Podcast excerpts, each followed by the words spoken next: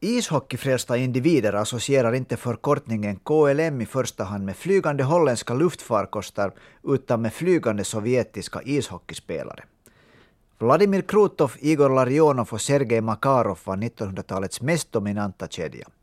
Lägger man till backparet Alexej Kasatonov och Vyacheslav Fetisov så kan man med goda argument tala om världens genom tiderna bästa femma. Den här kvintetten var år 1987 på toppen av sin karriär. I september det året åkte den på uppdrag till Kanada. Uppdraget var att vara bättre än Team Kanadas spjutspets i Canada Cup. Ingen lätt uppgift då hemmalagets chefstränare Iron Mike Keenan så småningom kom att placera bredvid varandra två herrar vid namn Wayne Gretzky och Mario Lemieux. För tidigare nämnda hockeyfrälsta församling var den här duon i samma kedja som om Gud och Jesus skulle uppenbara sig tillsammans. Just duellen mellan alla dessa osannolika virtuoser från två olika världar var vad Canada Cup 1987 handlade om. Det var den sista egentliga dusten mellan Kanada och Sovjet före raset av järnridån. Ja, till och med kriget i Afghanistan var ännu i full gång år 1987. Kort och gott, det här blev slutstriden mellan hockeyhistoriens enda verkliga supermakter, alla tiders turnering. Och till och med Finland fick vara med igen. Den här gången hade Lejonen faktiskt för första gången ett lag som kunde kallas för ett NHL-landslag. Edmonton hade några månader tidigare vunnit Stanley Cup för tredje gången på fyra säsonger och från det mästarlaget drog hela fyra spelare på sig lejontröjan i Canada Cup. Förutom Gretzkys kollegor i The Finnish Sandwich-kedjan Jari Kurri och Esa Tikkanen så hade även finska hockeyns genom tiderna bästa skridskoåkare backen Reijo Ruotsalainen och slitvargen Raimo Summanen representerat Edmonton under säsongen som gått. Den då 27 år gamla Kurri hade för fjärde och faktiskt sista gången under sin NHL-karriär överskridit 50 mål under säsongen och dessutom skjutit hela 15 mål på 21 slutspelsmatcher på väg mot Lord Stanleys buckla. Kurris fem år yngre adjutant Esa Tikkanen hade å sin sida stått för 34 mål och sammanlagt 78 poäng i grundserien. Så den här duon var rätt och slätt världsklass. Men i anfallsväg var det inte bara maestron Kurri och Tikkanen som varit heta säsongen 86-87. Bakom dem hade en intressant trio gjort mycket bra ifrån sig i NHL. 23-årige centern Christian Ruuttu hade efter en succésäsong i Helsingfors IFK nappat på Buffalo Sabres anbud och gjort en stark rookie-säsong. Med 22 mål och 65 poäng slog han direkt igenom som Sabres första center och var lagets tredje bästa poängplockare. Den tre år äldre Wilman Strandskillen Petri Skriko var i det här skedet redan en etablerad toppforward i Vancouver Canucks. Säsongen 86-87 var, var hans andra i ordningen av fyra raka säsonger med 30 mål eller mera. Med 74 poäng på 76 matcher var Skriko Canucks poängtrea och faktiskt vassare än en av de riktigt stora svenska NHL-spelarna Patrik Sundström. Skriko var en spelare som på något sätt blev lite i skymundan i Finland, men under den senare halvan av 80-talet var han definitivt en första klassens NHL-anfallare. Snabb på skridskorna och mycket skicklig med klubban. En annan giftig och skicklig forward som med sina 188 centimeter i strumplästen dessutom var storväxt var Tammerforskillen Mikko Mäkelä. 22 år gamla Mäkelä hade även han redan hunnit med två säsonger i New York Islanders. Dit åkte han 1985 efter att som 20-åring dominerat i FM-ligan med sensationella 34 mål på 36 matcher för mästarna Ilves. Också i NHL visade Mäkelä direkt att han kunde sätta pucken i mål. Säsongen före Canada Cup nätade han 24 gånger då han under säsongen fick sin chans och etablerade sig bredvid kommande superstjärnan Pat LaFontaine i Islanders andra kedja. Om någon undrar varför LaFontaine spelade bara i andra kedjan så stavas orsakerna Brian Trottier och Mike Bossy. Påfyllande säsong, alltså den som inleddes med Canada Cup, dundrade Mäkelä in 36 mål och spädde på med 40 assist. Mikko Mäkelä var en av de verkligt stora offensiva talangerna i finsk hockeyhistoria. Storväxt, spelskicklig och en enormt bra målskytt.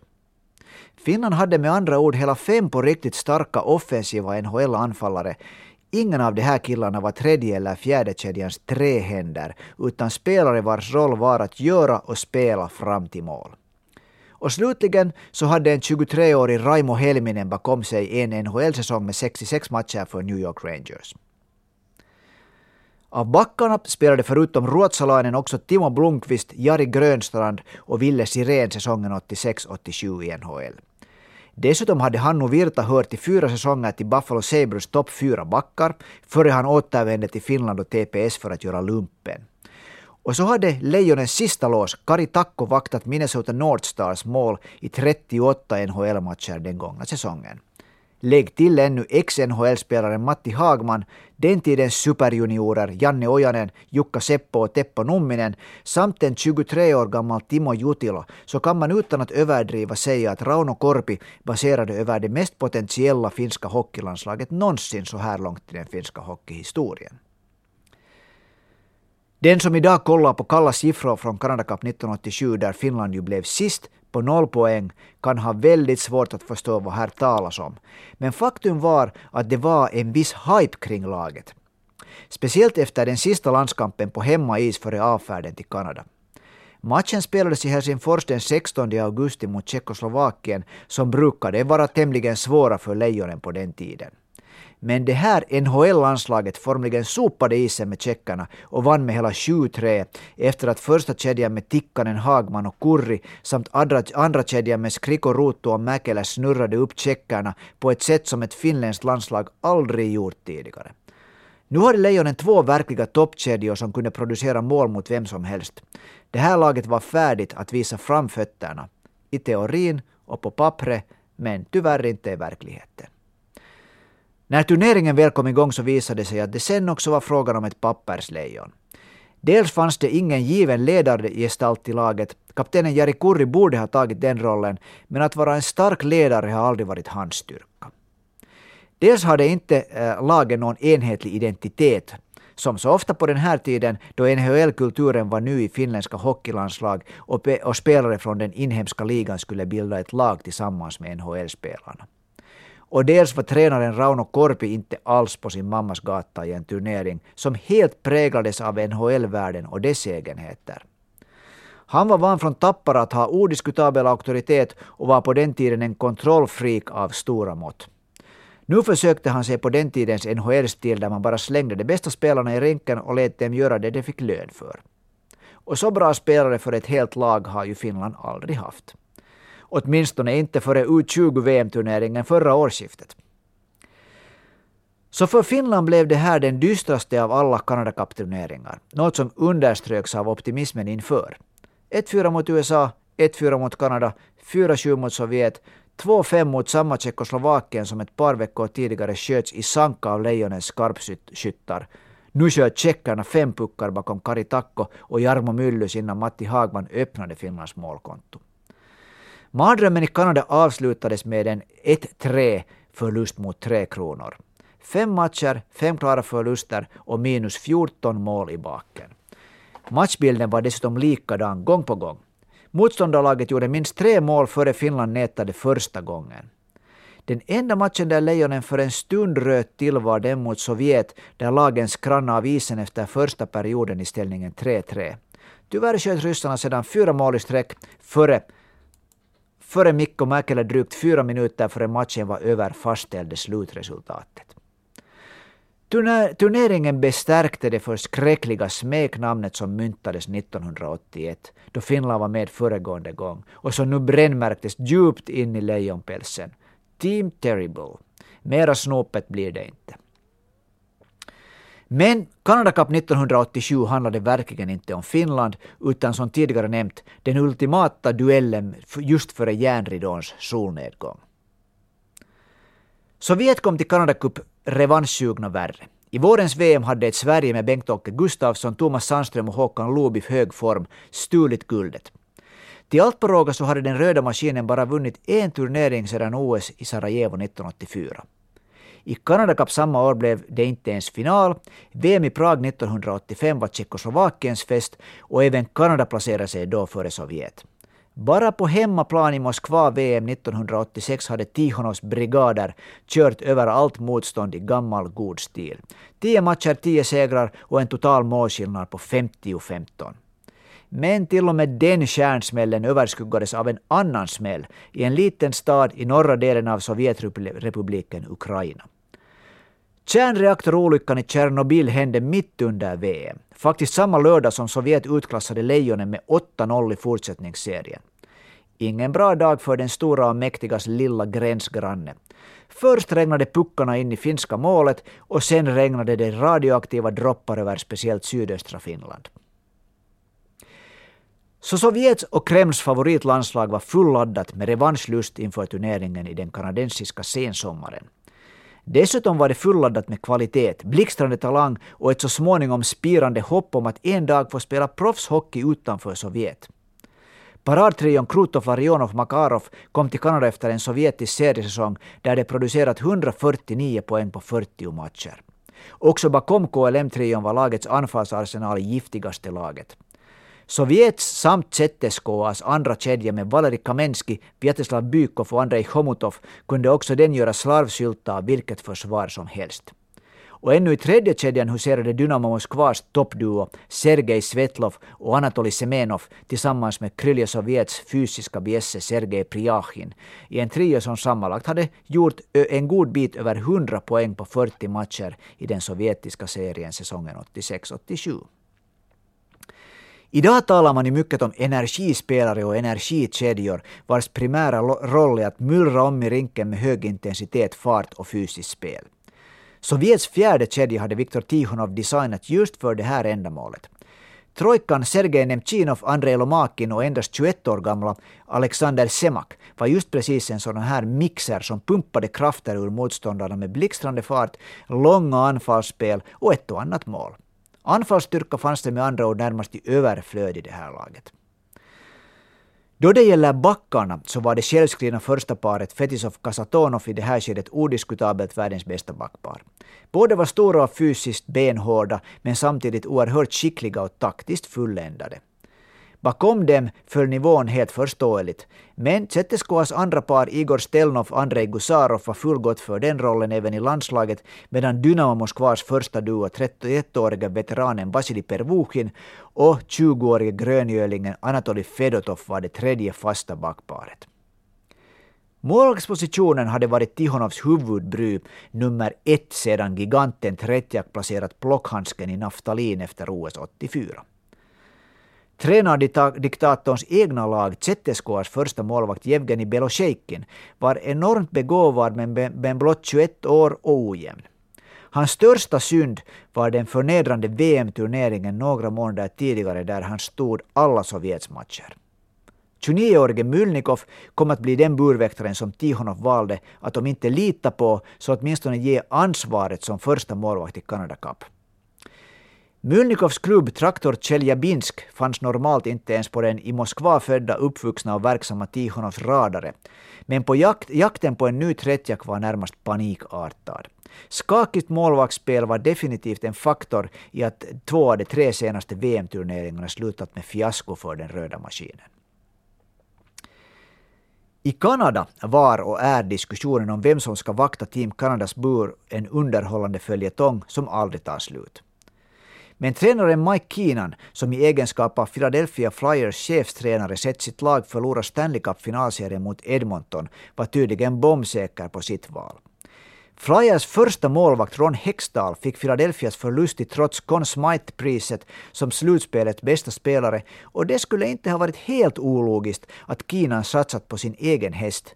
Men Iron Mike är ju inte precis känd som en god förlorare och det är inte svårt att gissa att han inte såg Hextall som en vinnare utan snarare motsatsen. Däremot hade han sett sitt Flyers förlora Stanley Cup-finalerna två gånger på tre år mot Edmonton Oilers och båda gångerna hade Oilers sista lås varit reflexräddarnas kung Grant Fuhr. Han var en vinnande målvakt i Kinans ögon och det var det vad Kinan ville ha. Fuhr spelade därmed alla nio matcher i Canada Cup, Hextall fick nöja sig med att hålla sig redo och nöta bänken. Lagen som Mike Keenan fick till sitt förfogande tog som alltid ut av en GM eller i fallet 1987 otroligt nog av en GM-kvartett bestående av NHLs verkliga tungviktare. Edmontons Glenn Sader, Philadelphias Bobby Clark, Montreals Serge Savard och New York Rangers Phil Esposito vilka kuppens capo di capo Alan Eagleson gav till uppdrag att samarbeta. Savard, Esposito och Clark hade som spelare varit med om att vinna både Summit Series 72 och den första Canada Cup-turneringen 1976, så de visste vad som krävdes av spelare på denna nivå. Och Glenn Seder ledde Kanada till seger som chefstränare i det, för, i det föregående kuppen tre år tidigare. Frågan är om något annat idrottslag någonsin tagits ut av en så här pompös kommitté. Men såklart, att ta ut tre målvakter, sju backar och 13 forwards ur den mängd av toppspelare som Kanada alltid har till sitt förfogande i toppturneringar är ingen lätt uppgift. Och just med tanke på det var lagets backuppsättning något anonym. Edmontons Paul Coffey och Bostons Ray Borg var lagets självskrivna toppbackar. Men i och med att Islanders-ikonen Denis Potvin för andra gången i rad nobbade Canada Cup och turneringsveteranen Montreals Larry Robinson ansåg att han som 36-åring gjort sitt för landslaget, så var kvintetten bakom Borg och Coffey faktiskt ganska vardaglig i jämförelse med tidigare Canada Cup-lag. Uttagna blev till slut Washingtons offensiva stjärnback Larry Murphy, Kinas egen gosse Doug Crossman från Flyers, Canada Cup-veteranen Craig Hartsburg från Minnesota North Stars, utpräglat defensiva och hårdföra Norman Rochefort från Quebec Nordiques och Rangers-backen James Patrick. Alla backarna kom alltså från olika NHL-organisationer. Men alla var såklart uttagna med eftertanke. Paul Coffey och Larry Murphy bildade ett mycket offensivt inriktat par. NHLs bästa back Ray Borg spelade för det mesta ihop med Craig Hartsburg, vilket de redan hade erfarenhet av från Canada Cup 1981. Det tredje fasta paret bildade Doug Crossman och Norman Rochefort. Den här duons roll var att hålla rent framför den egna buren och spela elakt. I anfallsväg hade Kanadas GM-kvartett närmast obegripligt överflöd att välja och vraka i. Storstjärnor som till exempel Steve Eiserman, Cam Neely och Dino Ciccarelli fick följa med turneringen hemifrån. Tillbaka från segrarlaget tre år tidigare var sex forwards. Edmonton-trion Wayne Gretzky, Mark Messier och Gled Anderson. New York Islanders benhårda Brent Sutter. Quebec sniper Michel Goulet och Washingtons expresståg Mike Gartner. De resterande sju luckorna fylldes av Philadelphias giftiga duo Brian Propp och Rick Tockett. Winnipegs storstjärna Dale Haverchuck, sandpappret Doug Gilmore från St. Louis Blues, tvåvägståget Kevin Dineen från Hartford Whalers, Montreals utpräglade rollspelare, den smutsiga bomben Claude Lemieux och slutligen en annan Lemieux, inte släkt på något sätt med Claude. Mario Lemieux var på sensommaren 1987 22 år och hade redan tre fulla NHL-säsonger bakom sig. Varje säsong hade han överskridit 100 poäng och 40 mål. Säsongen 86-87 kunde han bara spela 63 matcher men sköt ändå 54 mål. Han var ännu bara på väg mot sina allra bästa år men redan i det här skedet den enda spelaren i världen som mot vem som helst i princip kunde göra mål på egen hand. Världen har aldrig före eller efter Lemieux sett en sådan spelare. 194 centimeter lång, över 100 kilo tung, stark som en tjur, blixtrande snabb i reaktionerna och överlägset skicklig. Lemieux jämförs alltid med Gretzky, men dessa två superspelare var faktiskt väldigt olika som spelartyper. Gretzkys blick för spelet var unik. Han dirigerade spelet som en orkester och kontrollerade händelserna med, med att så gott som alltid göra det bästa av varje situation. Lemieux igen var den fysiskt överlägsna titanen som tog pucken, drog tre motståndare på sig och antingen skakade dem av sig och avgjorde själv med hockeyns mångsidigaste skottarsenal, eller sen drog han nytta av att motståndarna koncentrerade sig på honom och friställde en lagkompis med en precis passning. Gretzky var hockeygeniet som lyste via samarbete som han själv skapade och ledde. Lemieux var den ensamma hjälten som steg in i stridens hetta och sopade golvet med allt och alla. Gretzky behövde 718 matcher för att skjuta 600 mål. Lemieux behövde 719 matcher. Nummer 99 och nummer 66 är de enda spelarna i NHLs historia som under sina bästa år snittat över två poäng per match. Sett över hela sina respektive karriärer hade de, hade båda ett närmast osannolikt snitt på 1,9 poäng per match. För hockeyfansen runt om i världen var det väldigt synd att det skulle ta ända till OS i Salt Lake City 2002 före den skade och sjukdomsdrabbade Mario Lemieux följande gång drog på sig Kanadas landslagströja. Men sen sommaren 87 fick hockeyvärlden valuta för alla förväntningar då Wayne och Mario uppträdde i samma kedja och spelade ut hela sitt register i turneringen som kulminerade i en oförglömlig trematchers finalserie mellan Sovjet och Kanada. Före finalserien var storfavoriterna ändå tvungna att ta sig dit.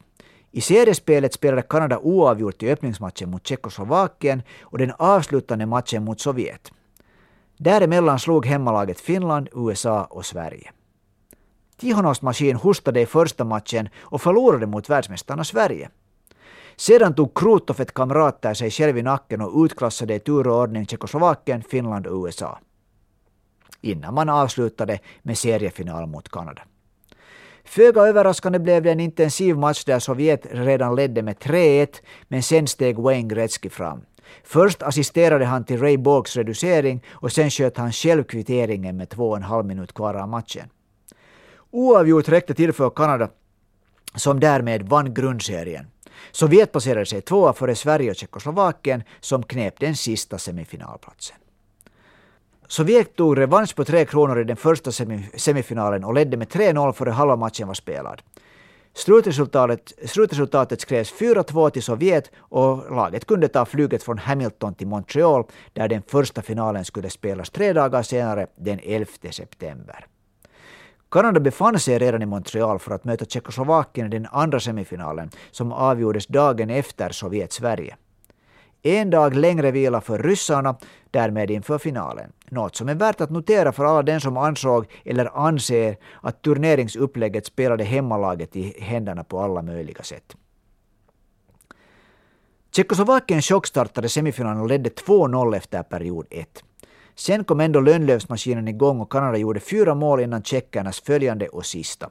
5-3 till slut för Kanada.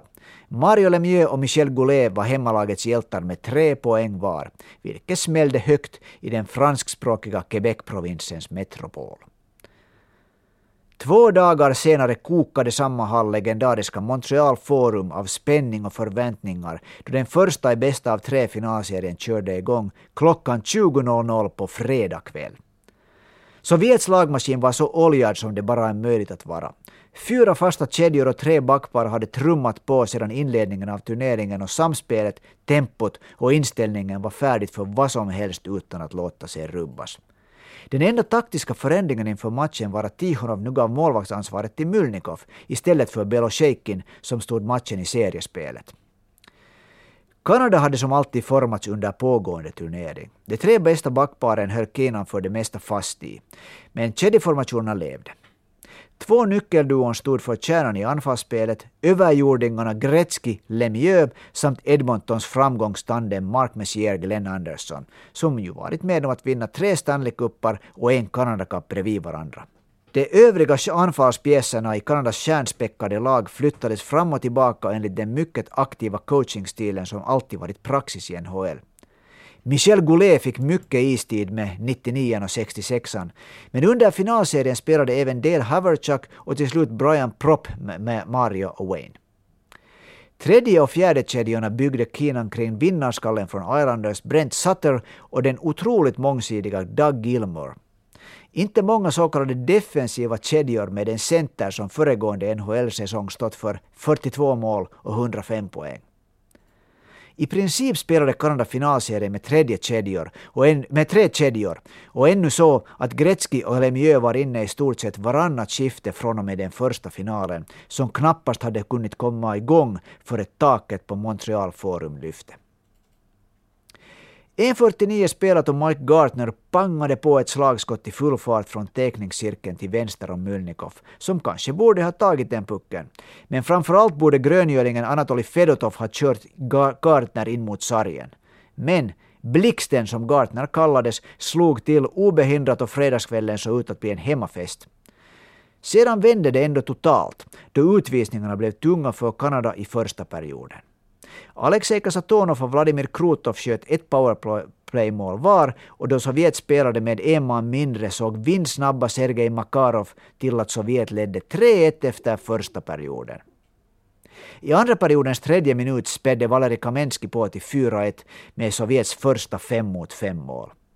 Den röda maskinen gjorde verkligen skäl för sitt smeknamn.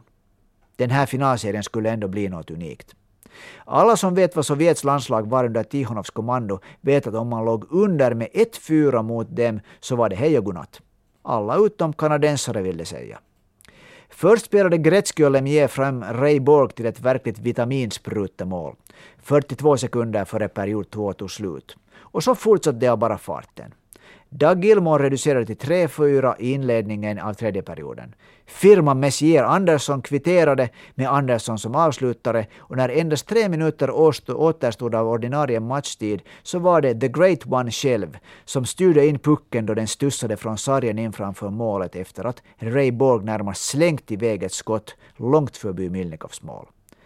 Kanada hade stigit från 1-4 till 5-4 mot världens mest samspelta lagmaskin. Och bara ett av målen gjorde kanadensarna i numerärt överläge. En osannolik match som dessutom var långt ifrån färdigspelad. Sovjets glödheta andra kedja med Homutov, Bykov och Kamensky gjorde tidigare 4-1 målet som då verkade avgöra matchen. Nu steg det fram igen när segern höll på att rinna Sovjet ur händerna. Bara 32 sekunder efter att Gretzky fört Kanada upp i ledningen vann Vyacheslav Bykov en duell bakom kanadensiska målet och försökte hitta Andrei Homutov framför Kanadas mål. Men pucken hann aldrig fram utan gick in bakom Grant Fuhr via Borgs skridsko.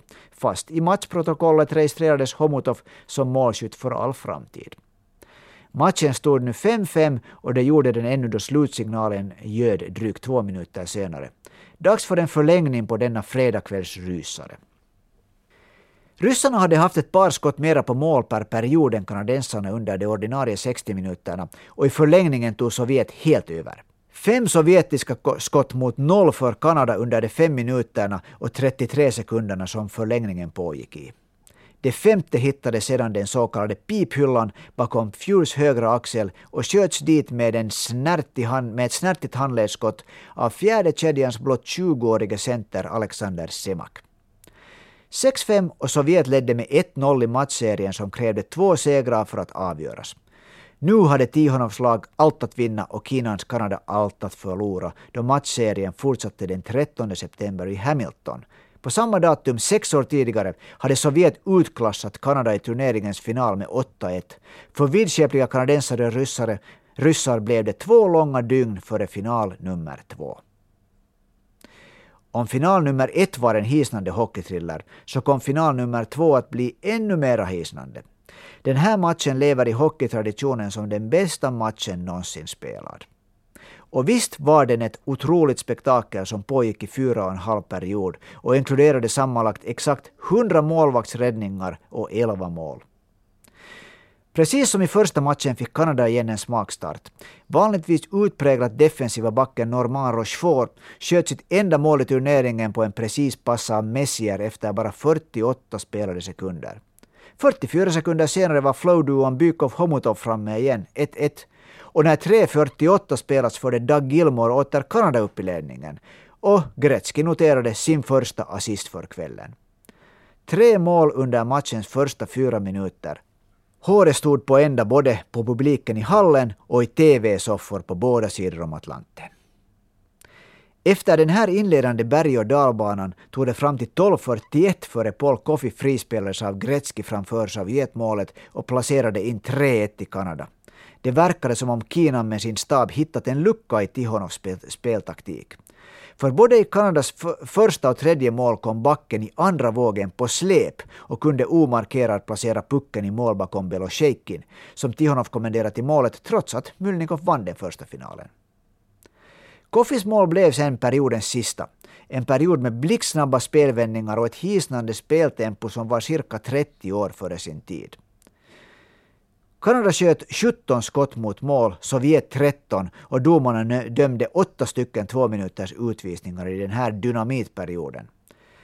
Kanadensiska spelare fick nöta bänken i hela fem etapper, men Sovjets vanligtvis dödligt effektiva powerplay lyckades inte utnyttja en enda av dem. Det blev andra bud i andra perioden. Kapten Fetisov utnyttjade Kanadas enda utvisning i perioden då hans missil avfyrad en meter innanför blåsträcket hittade nätmaskorna bakom Fjur. Och till följande gav Makarov och Krutov en uppvisning i hockeykonst av den högre skolan i spel med fyra mot fem.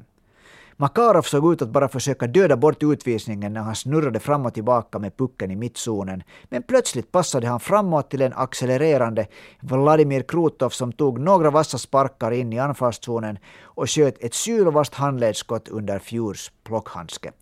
3-3 efter 14-17 av period 2. Och sen var det igen Kanadas superduo som stod för nästa uppvisning. En blixtrande snabb spelvändning ledde till att Gretzky och Lemieux kom loss i ett två mot ett anfall.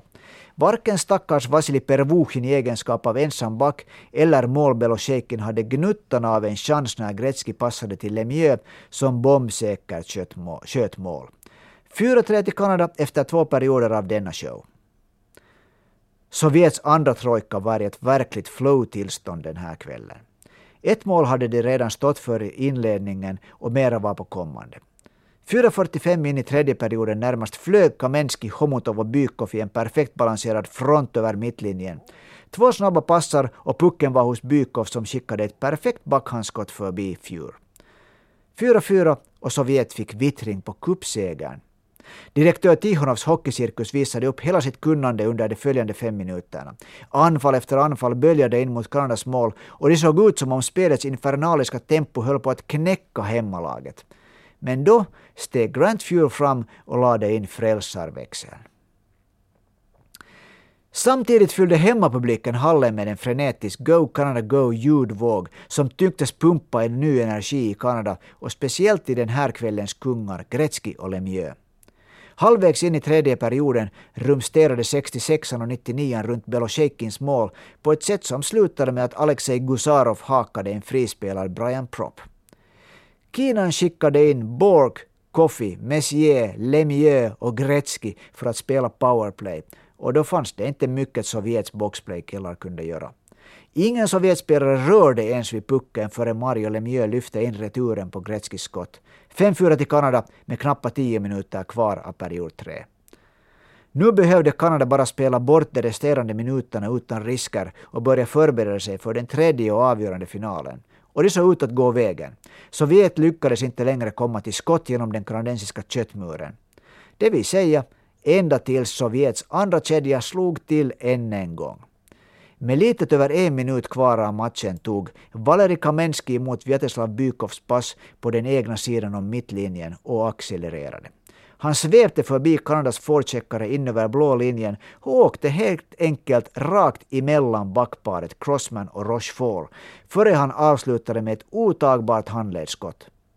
Turneringens häftigaste soloprestation och matchen stod 5-5. Igen väntade förlängning. Och vilken förlängning sen. För Kanadas del gällde det verkligen sudden death ifall att Sovjet sköt ett till mål och för Sovjet hägrade den slutliga triumfen. Att båda lagen i en sån här situation valde att så att säga bara köra är något som alla hockeyfans är evigt tacksamma för. En bättre show har vi nämligen aldrig blivit bjudna på. Sovjet pepprade Fjurs mål med 12 skott under den första 20 minuters förlängningen. Kanada hade nio skott mot Belosjejkin. 21 skott på 20 minuter, på 20 minuter. Inte precis något försiktigt trappspel här inte. Men inget av skotten hittade ända fram. Trots att till exempel Vladimir Krutov hade en chans som han i hans fall nio och en halv gånger av tio skulle ha betytt mål. Men inte nu. Och det blev dags för förlängningsperiod nummer två. Nu var Kanada aktivare, då spelet fortsatte att bölja förvånansvärt öppet fram och tillbaka. Under de första tio minuterna av perioden sköt Lönnlöven hela tolv skott mot sju för Sovjet. Sedan gick Kanadas trettonde skott in och utjämnade finalserien till 1-1. Såklart var det Wayne Gretzky och Mario Lemieux som avgjorde. Kanada tryckte på inne i den sovjetiska försvarszonen. Larry Murphy passade Gretzky ett par meter till höger om Beloshejkins mål. Gretzkys snabba skott tog i den andra stolpen och bredvid den stod Lemieux som lyfte in sitt tredje mål för kvällen. Gretzky hade fem assist. Spelklockan stannade på 90 minuter och 7 sekunder. Det var mindre än 44 timmar tills den sista och avgörande finalen skulle spelas i samma hall. På basen av hur den tredje finalen startade använde Tihonov och hans trupper de knappt två dygnen mellan matcherna bättre. Sovjetlaget var färdigt för spel från första tekning. Larionov, Krutov och Makarov snurrade upp hela Kanadas femma med Gretzky och Lemieux i spetsen och matchen blev bara 26 sekunder gammal före Sergej Makarov sköt sitt sjunde mål i turneringen. 1-0 och fortsättning följde. Sju minuter spelat och backen Alexej Gusarov gjorde en för honom nästan unik solorush som han avslutade med ett slagskott. 2-0 och då speluret visade exakt åtta minuter placerade Fetisov från nära håll in 3-0 bakom Fjur efter Makarovs ma makalösa förarbete. Det var dödstyst i hallen. Men den gamla visan ljöd igen. Kanada är alltid Kanada. När de stora kanonerna inledningsvis inte hittade måltonen så steg grovjobbarna fram. Först hamnade en retur lite tursamt hos Rick Tocket som fick snärta in den i nästan tomt mål och när 15.23 var spelat brottade Brian Propp in ett verkligt viljemål efter att kedjan Tocket, Propp och Sutter snurrat runt Mulnikovs mål en god stund. 3-2 och Kanada var tillbaka i matchen och publiken kunde andas igen. Ända tills Borg snubblade med pucken på klubbladet i den egna försvarszonen bara en halv minut före periodslutet. Eller ska man vara helt ärlig så fällde Sergej Makarov honom, men domaren friade. I alla fall så var det Andrei Hamutov som snappade upp pucken och hade bara fjur mellan sig och målnätet. 4-2 till Sovjet efter den första perioden, trots att Kanada sköt hela 19 skott mot Mylnikovs mål.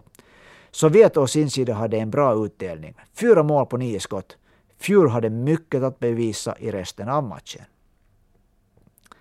I den andra perioden spelade Kanada sitt hårdaste tacklings och forecheckningsspel, ett försök att ta musten ur det syrvassa sovjetiska anfallsspelet. Och med ett traditionellt kanadensiskt snickarspel lyckades laget få grepp om händelserna. Det var bara målen som fattades. Tills äntligen, då nästan halva perioden var spelad, Larry Murphy tände röda lampan assisterad av Duon Gretzky och Lemieux.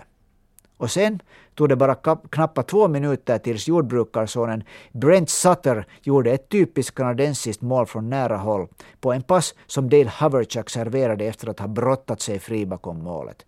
4-4. Samma Haverchuk sköt sedan själv Kanada upp i ledningen för första gången i matchen då 15.32 spelats av period 2. Igen var det ett typiskt snickarmål. Haverchuk var först på returen av sitt eget skott rundade buren, körde in framför Mylnikov och smällde pucken in från nära håll. 5-4 till hemmalaget stod sig sedan perioden ut. Nu var det liv i alla luckor i Hamilton och hela Kanada. Precis som i tredje perioden i final 2 var Kanadas mål och uppgift att försvara sin ledning i den sista perioden och ta hem turneringen. Sovjetspelarna å sin sida visste att de måste bryta sig genom den kanadensiska forecheckingen men till allt pris stoppa snabba kanadensiska spelvändningar. Ett misstag var allt vad duon Gretzky-Lemieux skulle behöva för att punktera matchen. Och denna fantastiska sovjetiska lagmaskin visade ännu en gång sin styrka. Precis som i första finalens förlängning var det den fjärde kedjan som steg fram när det mest behövdes. Med under åtta minuter kvar av ordinarie speltid var det Sovjet som gjorde ett kanadensiskt signaturmål. Andrei Lomakin och Alexander Semak bökade runt den kanadensiska målburen och till slut var det Semak som sköt kvitteringsmålet från ett par meters håll. Igen stod det 5-5 och det lutade mot ett tredje sudden death-avgörande på tre matcher. Men Canada Cup 1987s hjälteroller var redan i god tid före turneringen började utdelade till Wayne Gretzky och Mario Lemieux. Och den här duon levde upp till alla vilda förväntningar och lite mera därtill. Med knappt två minuter kvar av den tredje perioden blev det tekning i kanadensiska försvarszonen till vänster om Fjur. Kina skickade in en trio med tre centerforwardar. Lemieux, Gretzky och den här matchen, matchens kanske bästa spelare Dale Haverchuk som fick ta teckningen. Den vann han. Lemieux snappade upp pucken och tog sig förbi en forecheckande rysk back, gav en kort pass framåt till Gretzky och klippte in mot mittfilen. Plötsligt bröt Kanada igenom i ett tre mot ett anfall och två av dessa tre var Gretzky och Lemieux. Då fanns det bara ett möjligt utfall. The Great Ones speldator analyserade situationen och höll pucken tills Igor Kravchuk, den ensamma ryska backen, var hjälplös. Då flyttade Gretzky mjukt och precis pucken till Lemieux, som tog ett par av sina långa skridskoskär och sköt ett otagbart handledsskott i krysset. 6-5 till Team Canada. Nu var den röda maskinen på riktigt slagen och Team Canada tog hem sin tredje Canada Cup-seger. Fast det är egentligen fel att säga att Sovjet förlorade den här finalserien. Laget var i det närmaste totalt omöjligt att rubba och spelade fantastisk hockey i samtliga tre finalmatcher, vilket bland annat 16 mål fördelat på nio olika spelare visar. Alla fyra kedjor var farliga i varenda byte. Laget vägde sig inte en tum i det fysiska spelet, anpassade sig perfekt i det rätlinjiga spelet som mindre rinkar kräver, men lyckades ändå trolla fram spelkombinationer som fick hakan att falla. Och KLM-kedjan stod för hela 32 poäng i turneringens nio matcher. Problemet ur sovjetisk synvinkel var bara det att Kanada hade Wayne Gretzky och Mario Lemieux. Världens två bästa hockeyspelare i samma kedja visade sig vara varken mer eller mindre än omöjliga att stoppa. Tillsammans stod det för totalt vansinniga 39 poäng på tre matcher, alltså över fyra poäng per match.